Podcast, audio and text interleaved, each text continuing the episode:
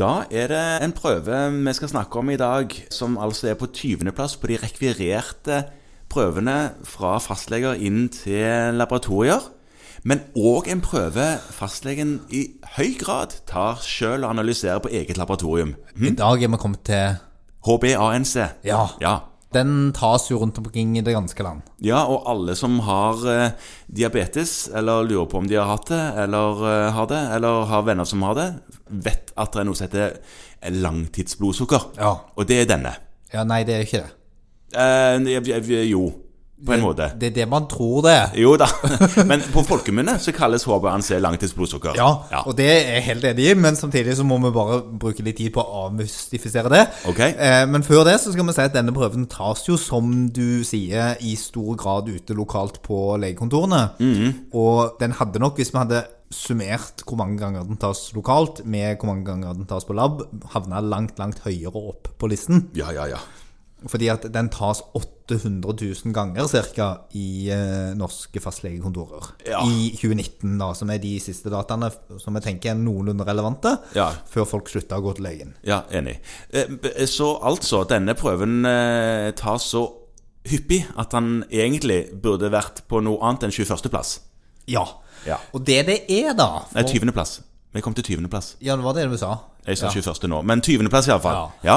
Det det er, er at det er en glykolysering. Altså, det Ja. Mhm. henges fast et glukosemolekyl på hemoglobinet.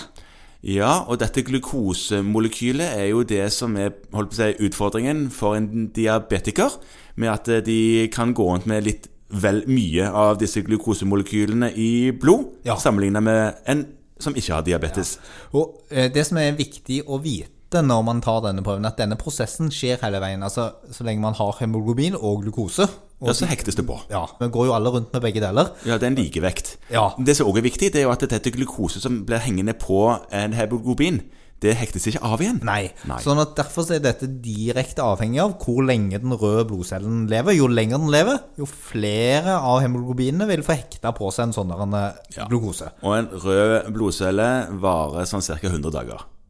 Sånn cirka. Sånn cirka, hvis du er frisk. Og derfor, nå kommer vi også inn på det som er feilkilder. At eh, hvis du har blod som lever veldig kort eller veldig lenge, Ja. så blir eh, HBNC en feil. Har du f.eks. blødninger, så får du høy omsetning av blod. Da skriker kroppen og produserer nytt. Mhm. eh, da lever de kort. Har du tatt vekk milten din, f.eks.? ja.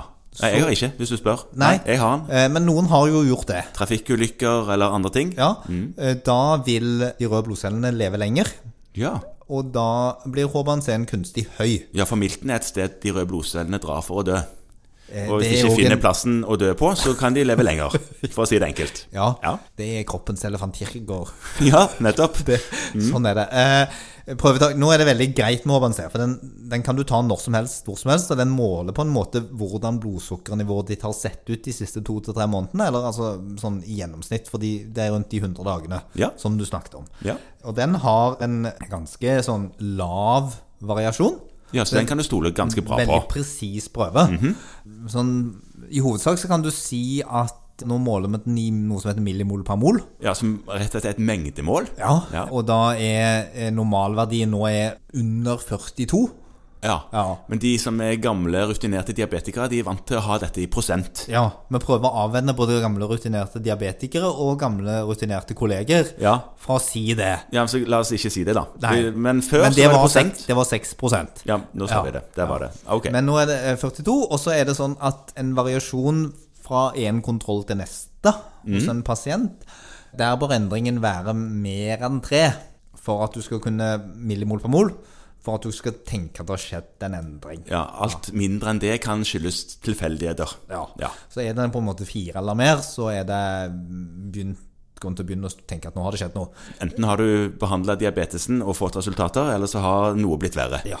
Eh, og brukes da til å overvåke pasienter med diabetes for å se på hvordan blodsukkerkontrollen er, og eller utrede, og det er det jo det som tas og sendes mest til laboratorium, er nok prøver for utredning.